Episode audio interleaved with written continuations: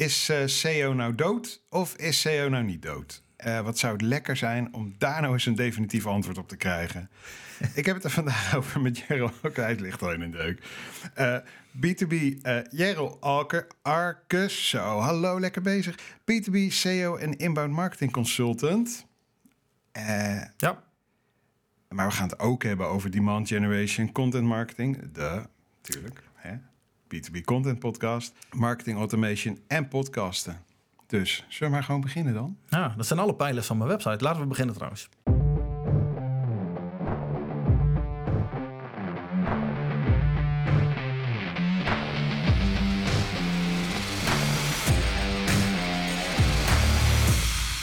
Hey, tof dat je luistert. Dit is de B2B Content Podcast in samenwerking met Marketing Facts. En we nemen dit op op 23 januari 2023. En ik zit hier met Jero Arke, Ar, Lastige achternaam, hè? lastige achternaam, Jero Arcus. Arcus. Ja, als je uit Slagharen komt, dan is het eh, wat Smit en Volendam Ja. is. Maar Want ik ben in Slagharen. Ik zit in jouw studio. Ik Klopt. het echt. Eh, hoe is het met je? ja, lekker. Lekker Goed. bezig? Ja, Het wordt langzaamaan een beetje laat s'avonds, hè? Maar eh, inderdaad. We hebben er al een hele podcast op zitten ook. Ja, en ik had van jou van, oh, van drie over half zeven vanochtend had ik een appje. Ja, ik zat lekker eh, op tijd in mijn kantoor. Ja, ik weet niet wat jij gebruikt, maar ik wil er ook wat van. Het is heel simpel. Vroeg naar bed gaan. oh ja, oké. ja, wil je dat? Goeie. hey, eh, ik, ik, ik had nog een appje van je namelijk. En daar, daarin stond, als we gewoon even gewoon met de deur in huis gaan vallen... dat je een gesprek had tussen een duiveltje en een engeltje. Ja, dat is wel, En, en dat is wel wat ik jou stuurde. Ja, inderdaad. dat stuurde je me. En, en ik denk dan, die duivel zegt, CEO, kap er maar mee. ja klopt. En het engeltje zegt door. Ja, het kan ook andersom Ja, natuurlijk, hè? Ik weet het eigenlijk niet zo goed. Is- Wie wat is- zei. Laat, dat is eigenlijk. Is, is SEO, is het nou eigenlijk evil of is het. Het is niet evil. Ik vind SEO iets heel moois. Ik denk dat het aan heel veel dingen bijdraagt... wat allemaal niet redenen zijn om het te gaan doen... maar die je toch wel nodig hebt. Een soort van de hygiëne van je website. Gewoon je website gezond houden. Snel houden. Eh, ik denk dat het ook heel veel raakvlakken heeft met user experience... zonder dat de UX-persoon binnen het bedrijf naar die dingen kijkt. Eh, dus eh, ja, ik ben pro-SEO... maar ik zie ook wel heel veel problemen en uitdagingen. Oké, nou ja, begin maar. Wat is de. wat, ja, wat zei het duiveltje? Want het, het, ja, het thema van dit eh, waar ik mee begon, dat komt van jou. Is SEO nou dood of niet? Klopt. Jij was daarover nadenken en ik vond, ja, ik vond het een goede vraag. Ik ben zelf echt een SEO, nou, amateur. Eigenlijk wel.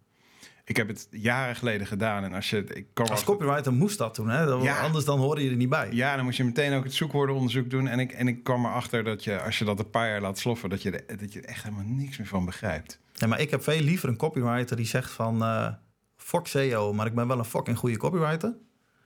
Dan eh, de SEO-copywriter ben ik echt allergisch voor.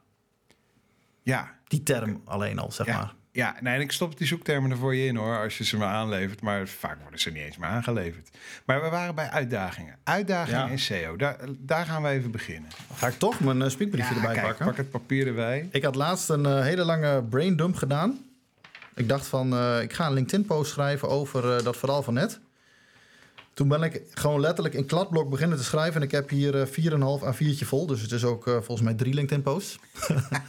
en dan nog steeds is het waarschijnlijk te lang. Ligt eraan wie het vraagt, ja. Dus ik kan het... ehm, Nee, maar ik, ik heb hier een aantal eh, eh, problemen met SEO genoteerd. Met wat dingen die erbij horen. En ik denk dat als je het zeg maar in, in categorieën indeelt... dat je zou zeggen van dat... of dat je kunt zeggen, bedoel ik... dat Google wat minder dominant is... ten opzichte van, ehm, nou, laten we zeggen, acht jaar geleden. Ja, Dat eh, de CTR's in Google liggen heel erg onder de druk. Dus dat steeds minder mensen eh, relatief gezien eh, klikken op een SEO-resultaat. Ik denk dat de rol van websites aan het veranderen is. Door onder andere bijvoorbeeld demand generation, maar dat komt natuurlijk ook weer door andere trends. Dus bijvoorbeeld zero-click content. Concurrentie is moordend geworden.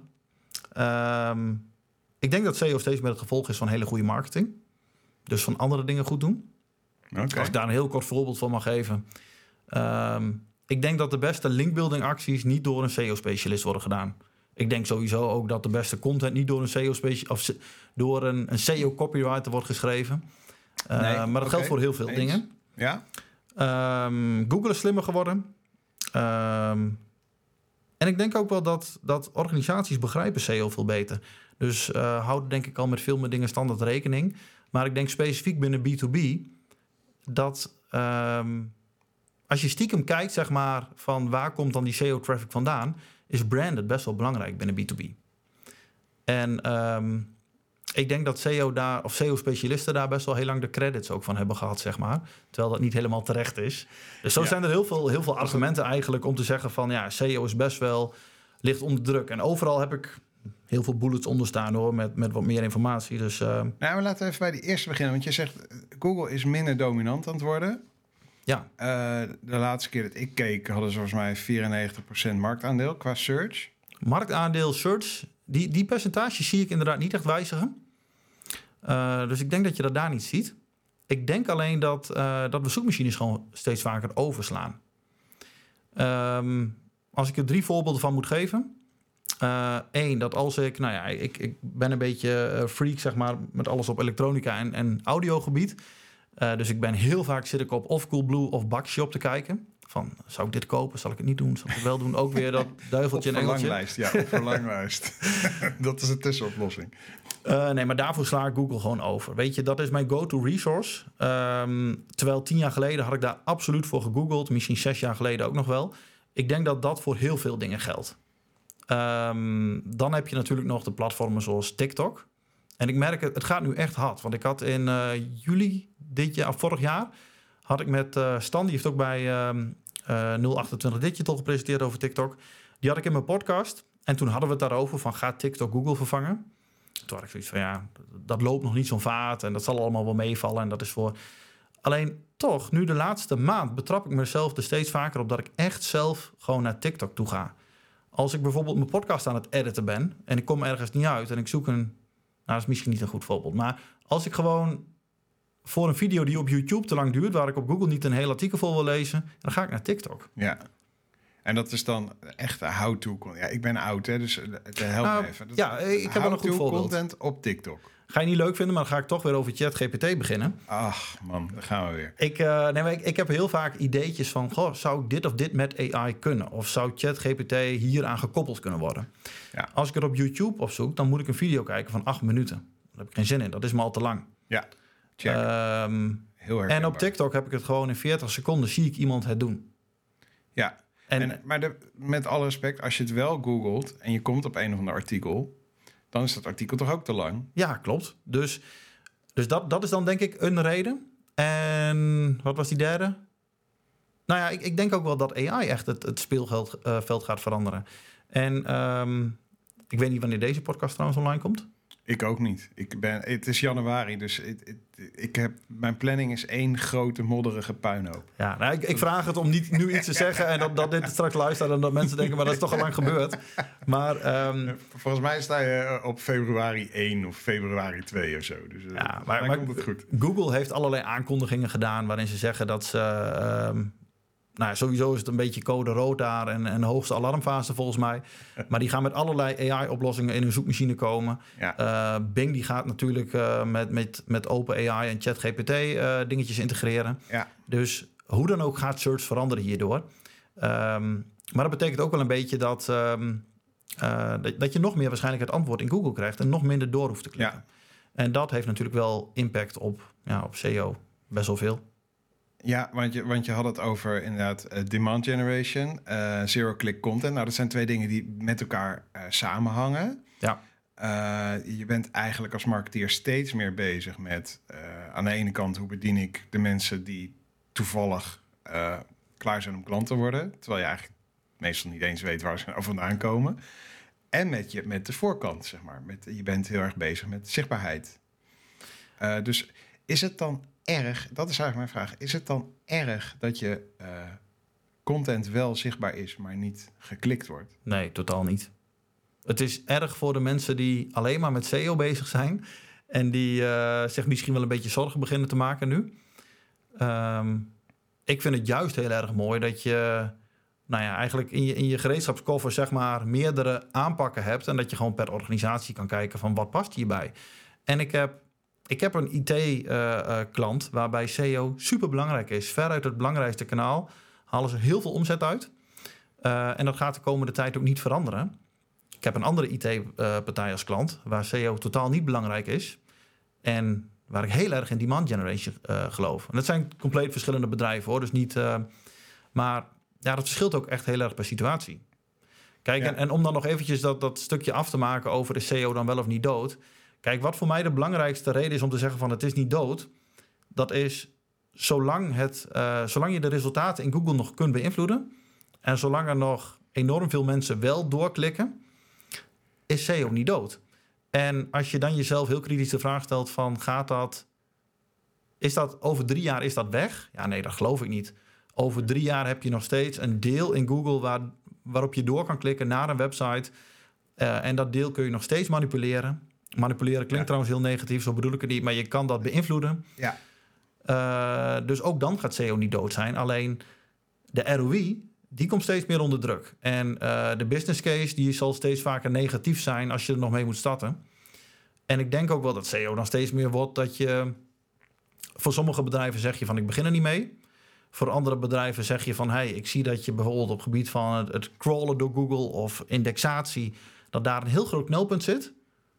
Dat neem ik weg, dat los ik op. Nu staan al je pagina's in de index en nu haal ik mijn handen ervan af. Um, ja, voor andere, andere bedrijven wil je misschien echt uh, tot achter de komma alles goed hebben staan, omdat het gewoon zo belangrijk ja, blijft. Omdat je, omdat je bijvoorbeeld een webwinkel in sneakers hebt of, of iets dergelijks. Ik weet, ik weet helemaal niet, want jij zit ook in B2B? Ja, klopt. Wel veel B2C gedaan in het verleden hoor. Ja, maar ik weet eigenlijk helemaal niet. Uh, ik ben zo, ik merk dat ook bij mezelf. Ik ben zo in dat strategische kennisdelings B2B uh, uh, IT copywriters hoekje terechtgekomen. Dat ik eigenlijk helemaal niet meer een gevoel heb van hoe belangrijk SEO nou eigenlijk nog is in B2B. Want als ik al klanten heb die zich ermee bezighouden, dan zijn het bij wijze van spreken, dan zit er ergens iemand bij een bureau, die zit dan in de blogs die ik al gemaakt heb, de, de, de zoekwoorden nog even in te fietsen. Dus ja. zo, misschien ben ik gewoon te duur daarvoor dat ik dat niet meer mag doen of zo. Ik weet het niet. Ik vind het ook moeilijk om te zeggen, omdat Kijk, mijn achtergrond, ik, ik heb het langste SEO gedaan. En daar is toen in de loop der jaren continu zijn er dingetjes bijgekomen. Alleen omdat ik dat het langste gedaan heb, kennen de meeste mensen mij nog steeds als SEO-specialist. En al, al dat andere weten ze heel vaak niet eens. Um, dus dat betekent ook dat je automatisch ook bij bedrijven terechtkomt die dat belangrijk vinden. Ja. Dus uh, heel vaak heeft de vraag van hoe ik ergens binnenkom toch direct of indirect wel met SEO te maken. Ja. Waardoor het, ja, en heel vaak denk ik zelf dan van, is dit dan wel het juiste, is dit wel het juiste om te doen? En dat zeg ik ook wel gewoon eerlijk hoor. Ja, want ik heb wel eens natuurlijk dat ik een klant spreek en die zegt, ja, ik, ik zou best uh, bovenaan willen staan voor uh, Microsoft Cloud oplossingen of zo. Ja. Dan denk ik, ja, oké, okay, maar daar staat Microsoft al voor bovenaan. Ja, klopt. Ja, is dat, en, en dan krijg je zo'n rare discussie van... Nou, wie, wie zijn nou eigenlijk onze concurrenten? Wie, wie, met wie gaan we nou eigenlijk... Gaan we met Microsoft in competitie en willen we bovenaan staan in, in Google? Of gaan we... Ja, zijn dat discussies uh, die jij ook voert?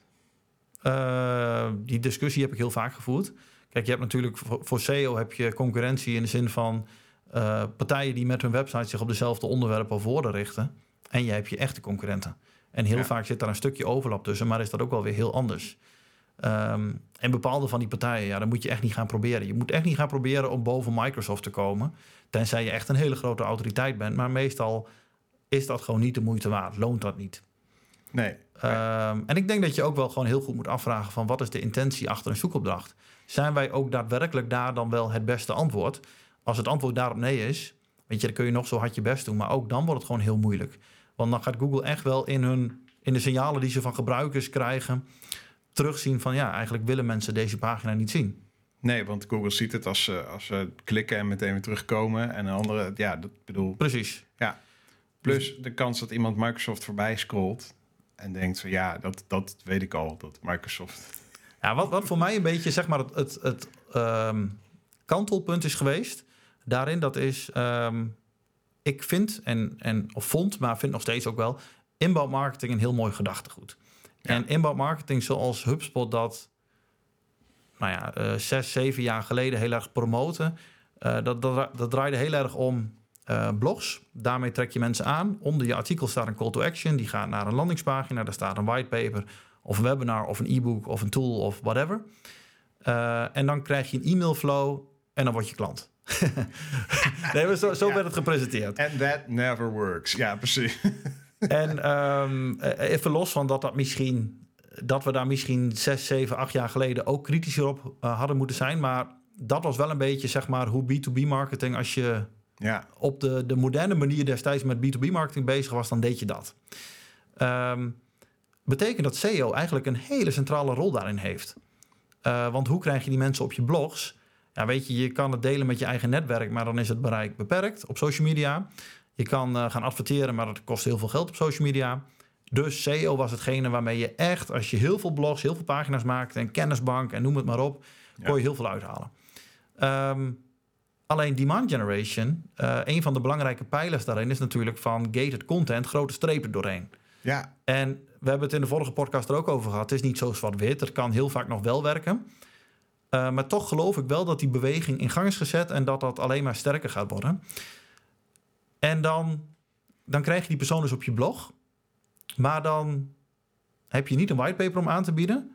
En die B2B journeys zijn lang. Dus hij gaat Ja. waarschijnlijk over 143 dagen pas kopen.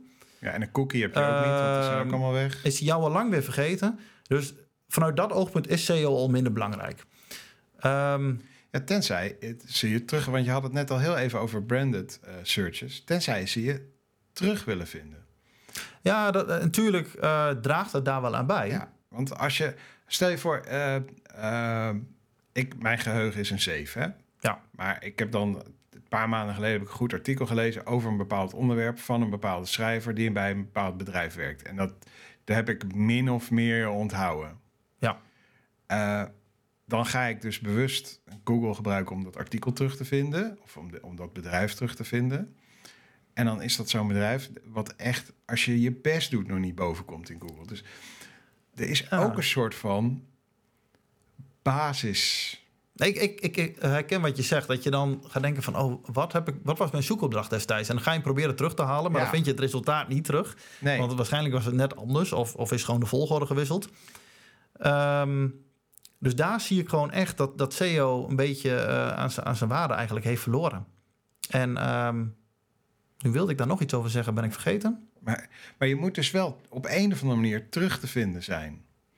Want als ik, als ik een, een bedrijf in cloud solutions heb in eh, Amersfoort... Ja. eh, en iemand weet dat en hij zoekt mij... Of dan moet ik wel boven komen. Dus wat jij helemaal in het begin Nou- zei, van het technisch moet het... Dat, de basis moet er wel zijn. Kijk, ik heb, ehm, ik heb ooit een artikel geschreven dat gaat over eh, eigenlijk zeven stappen binnen SEO. Dus het begint met je moet iets hebben om op gevonden te worden. Dus laten we zeggen eh, Cloud Solutions eh, Amersfoort. Eh, dan moet je daar een pagina voor hebben. Vervolgens moet die gecrawled kunnen worden, dat is stap 2. Die moet geïndexeerd kunnen worden, stap 3. Die moet gerenderd kunnen worden, dus dat Google hem uitvoert met JavaScript en daadwerkelijk ook de content ziet die een bezoeker ziet. Die moet goed geïnterpreteerd kunnen worden. Dus eh, bijvoorbeeld eh, als je met meerdere talen en landen te maken hebt, heb je een href tag. Eh, maar met gestructureerde data, dat Google gewoon snapt van hey, dat, dat getal 4 wat hier staat, dat is niet de prijs, maar dat zijn reviews. Of dat is een review score. Dan heb je de stap vindbaarheid. En dan heb je eigenlijk nog dat mensen er ook op moeten klikken. En ik vind wel dat bijvoorbeeld voor die stap vindbaarheid, weet je, je title en je H1 en je meta description en je URL en je alt tekstjes. Ik vind wel dat iedereen het gewoon moet hebben. Ook ieder Ja. B2B bedrijf. Dus die SEO-hygiëne Ja. voor al die stappen die ik net noemde, moet gewoon gefixt zijn. Alleen voor heel veel SEO-specialisten begint eigenlijk daarna pas het spelletje. Want dan sta je op positie 11 en wil je in die top 3 komen. En dan ga je linkjes kopen. En dan ga je van 3000 woorden naar 5000 woorden op de pagina. Ja, ja, ja, En, snap je? En dat spelletje wil ik eigenlijk voor B2B niet spelen. Nee. Omdat ik dan denk dat je je tijd en je geld beter kan besteden. Met bijvoorbeeld demand generation. Ja, want je zei net ook, is het twee dingen. Eh, je zei de, de, de click-throughs gaan ook omlaag in Google. Ja. Dus eh, zichtbaar zijn is belangrijker dan traffic binnenhalen. Ja, alleen ehm, ik, ik geloof heel erg in zichtbaar zijn. Dat demand gen gedachtegoed, alleen niet binnen Google. Oké. Ehm, kijk, als ik een post van jou op LinkedIn zie, dan zie ik jouw profielfoto, jouw naam. Dan zie ik daar waarschijnlijk iets van een afbeelding of een video of een slideshow bij staan, een stukje tekst. Ehm, dat, dat blijft veel beter hangen, zeg maar. Weet je, misschien zelfs nog wel een stukje van je huisstijl met de oranje letters. En daar heb ik een bepaald gevoel bij. Als ik in Google in de, de featured snippet, dus het antwoord wat Google zeg maar uit jouw pagina haalt, in drie regels iets zie, ja, weet je, dan staat jouw URL daar wel onder.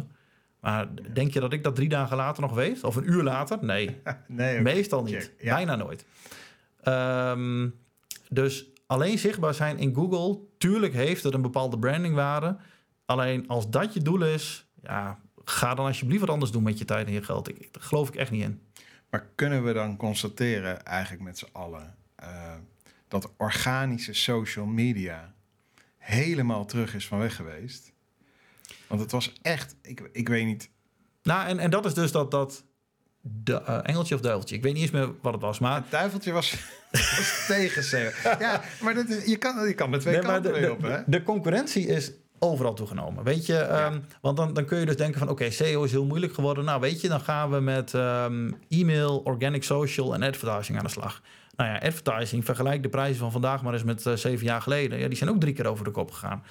En ehm, Echt, eh, twaalf keer als je autobidding per ongeluk uit. Vraag me eens hoe ik dit weet. Nee, en, en weet je, e-mail is er niet makkelijker op geworden. Social, organic, ehm, LinkedIn zeven jaar geleden. Als je daar, wat jij nu doet, als je dat zeven jaar geleden had gedaan, wat was dan je bereik geweest? Ik Ja. denk dat het echt bizar is. Ja, ja, daar heb ik ook een vraag over. Maar ik, ik- jij komt ook uit het HubSpot-ecosysteem. Ja, dat Ja. weet jij niet, maar ik kom ook uit het HubSpot-ecosysteem. Ik heb zelfs een keer getwitterd... eh, waar ligt de grens tussen met HubSpot werken en in HubSpot wonen? Ja. Ik kon op een gegeven moment kon ik die kleurtjes niet meer zien. Eh, maar HubSpot, voor mijn gevoel, draaide dat toch grotendeels om het versturen van gepersonaliseerde, al dan niet eh, gefilterde, GAB-testen e-mail. Het was allemaal e-mail, e-mail, e-mail. Grotendeels wel. Dat, dat Ja. was wel wat het bijzonder maakte.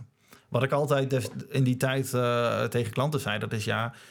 Dan zeiden ze, nee, we hebben marketing automation, want we gebruiken e-mailpakket X. Ja, Dan zei ik van, nee, jullie hebben misschien hooguit e-mail automation. Maar wat HubSpot doet, dat is het websitegedrag erin meenemen. En dat als je deze pagina drie keer hebt bekeken, dan wordt er een workflow gestart. En, ja. maar inderdaad, dat was wel de kern. En dan, dan zijn er nu twee dingen aan de hand. Ik, ik, ik heb het idee dat die funnels niet meer werken. Of misschien hebben ze wel gewoon helemaal nooit gewerkt. Die e-mail Ja, ik denk steeds vaker het laatste. Hey, ja, Tu- tuurlijk, Heb, je, heb ook jij hier nou wel is gewoon een dikke lead, eh, eh, een dikke klant van 2 miljoen binnengehaald... omdat hij eh, na e-mail 8 dacht van... ja, en nu ga ik een afspraak met een consultant maken. Is dat je nou echt een keer overkomen? Ik kan het me niet herinneren dat het me ooit gelukt is. Nou ja, eh, voor een klant, nee, ik kan me dat niet herinneren op die manier. Nee. Maar, dan ben ik weer even kwijt wat ik erover wilde zeggen.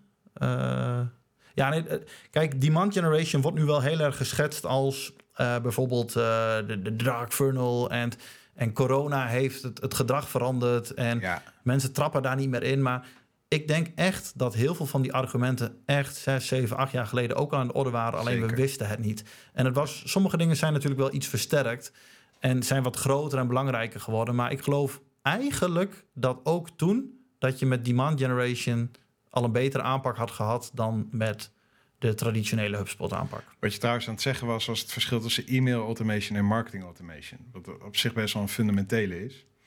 Ja, Want eh, wat HubSpot inderdaad deed was, eh, op het moment dat ik iets had gedownload en ik kwam terug op de site, dan waren mijn gegevens al ingevuld op het, op het formulier bijvoorbeeld. ja, En ik kon, je, je kon mij volgen op, op social media en je kon allerlei data verzamelen.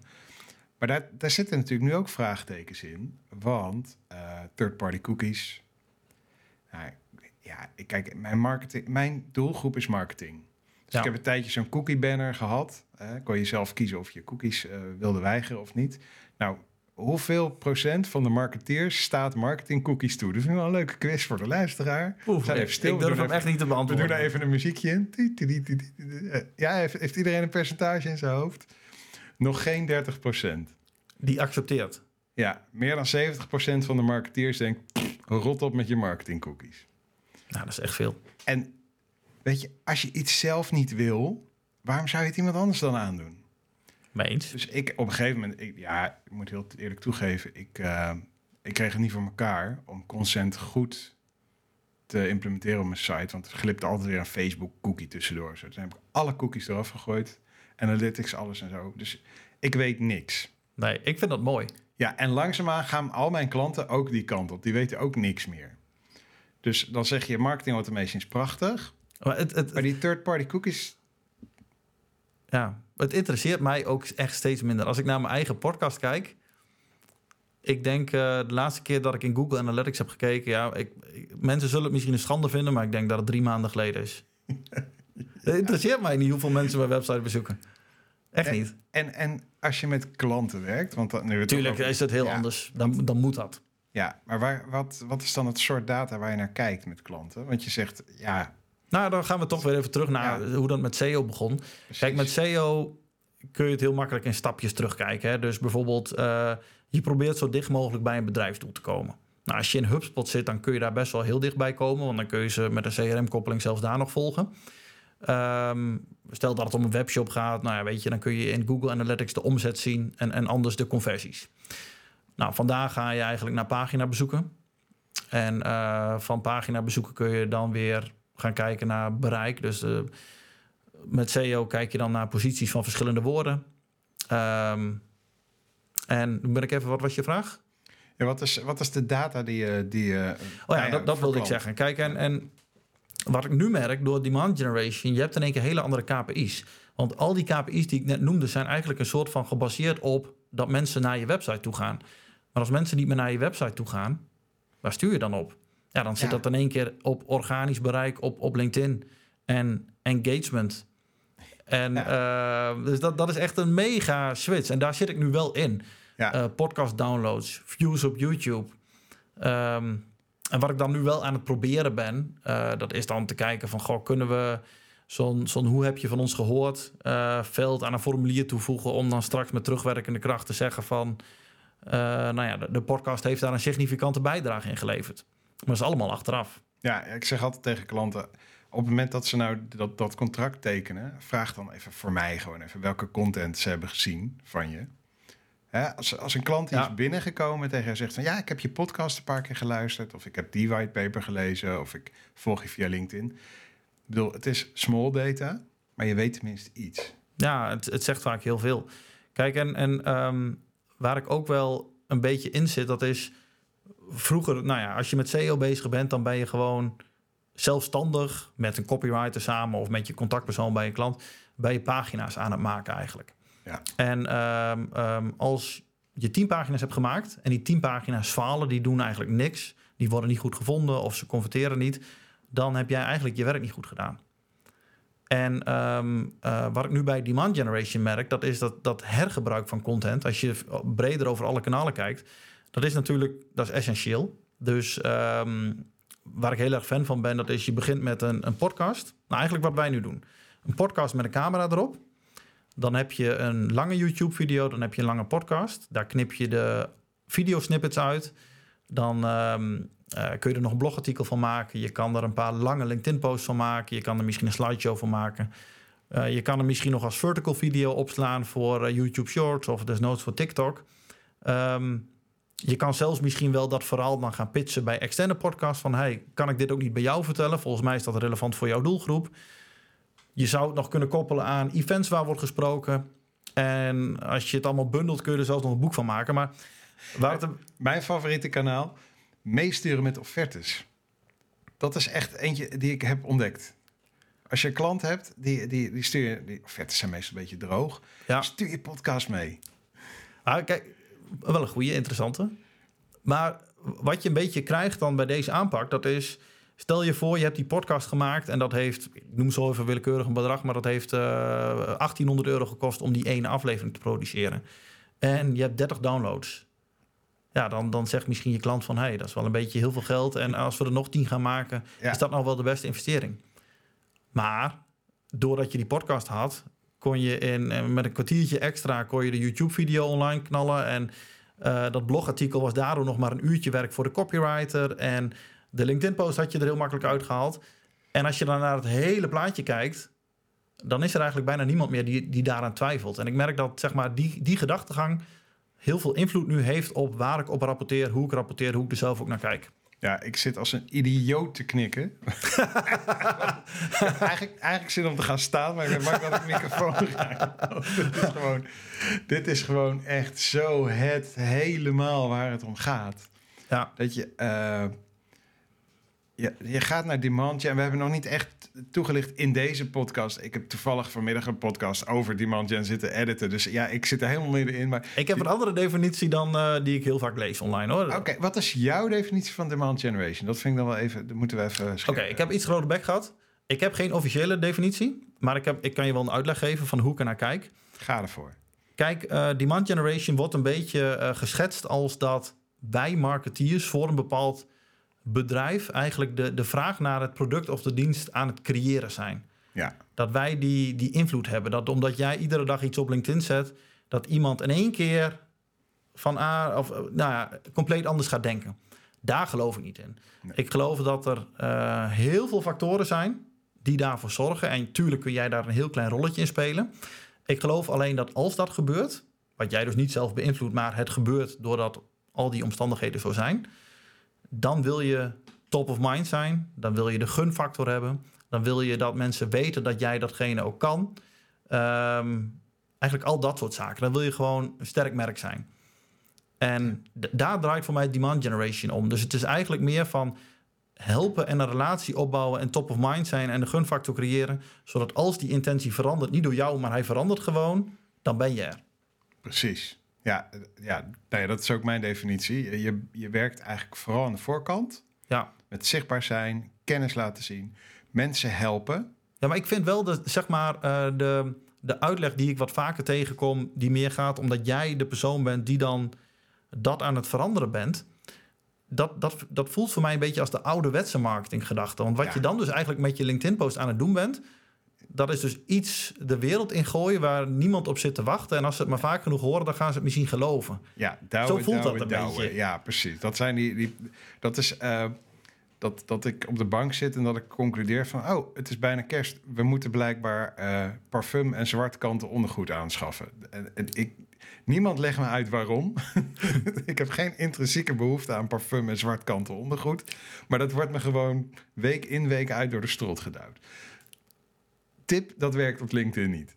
Nee, Nee, want dan lezen mensen het gewoon niet, toch? Ik bedoel, dat is toch... mee eens. En dat, dat is ook, en, en al zou het wel werken, dat is gewoon niet hoe ik met marketing bezig wil zijn. Nee, en ik... we- Weet je, iedereen heeft het over content overload, content shock. Nou, de, de, hè, dat- de termen vliegen hier om de... Weet je nog dat ik ehm, een kwartier geleden niet meer wist wat ik wilde zeggen? Ik weet het weer. Ga ervoor. Je zegt content shock. Ja, Ehm, dat is zeg maar dan dat tweede probleem. Dat whitepaper valt weg, dus SEO heeft het moeilijk. En dan probleem twee is eh, demand generation en, en marketing van nu voor, in die, voor die B2B-bedrijven. Het draait natuurlijk om een stukje voor leadership. En als jij een voorleader wil zijn, dan kom je vaak met iets wat... ehm, nou ja, ik, ik geloof niet dat het heel vaak echt nieuw is, maar heel vaak is het wel door een heel klein percentage van soortgelijke bedrijven wordt er dan op die manier gedacht. Dus meestal wordt er ook niet op gezocht. Eh, dus SEO is dan niet het kanaal. Weet je, bijvoorbeeld Rand Fishkin, die heeft er ook een paar keer heel mooi uitgelegd. En eh, die zegt ook van wat ik nu doe met mijn bedrijf, dat is iets wat niet bestond, wat ik aanbied. En ik moet die boodschap komen brengen. En SEO gaat om mensen komen het halen. Ja. Ehm, dus ja, als, je, als jij gaat voor thought leadership, dan wordt SEO automatisch eigenlijk al heel moeilijk. Want met SEO moet je eigenlijk alles zijn behalve die thought leader. Want je moet gewoon exact doen wat de mensen verwachten voor die zoekopdracht. ja, ja. Het is nee, heel moeilijk om die twee met elkaar te verweven hoor. exact. En, en ja, iets als SEO voor een start-up... dat vind ik ook een soort, ja...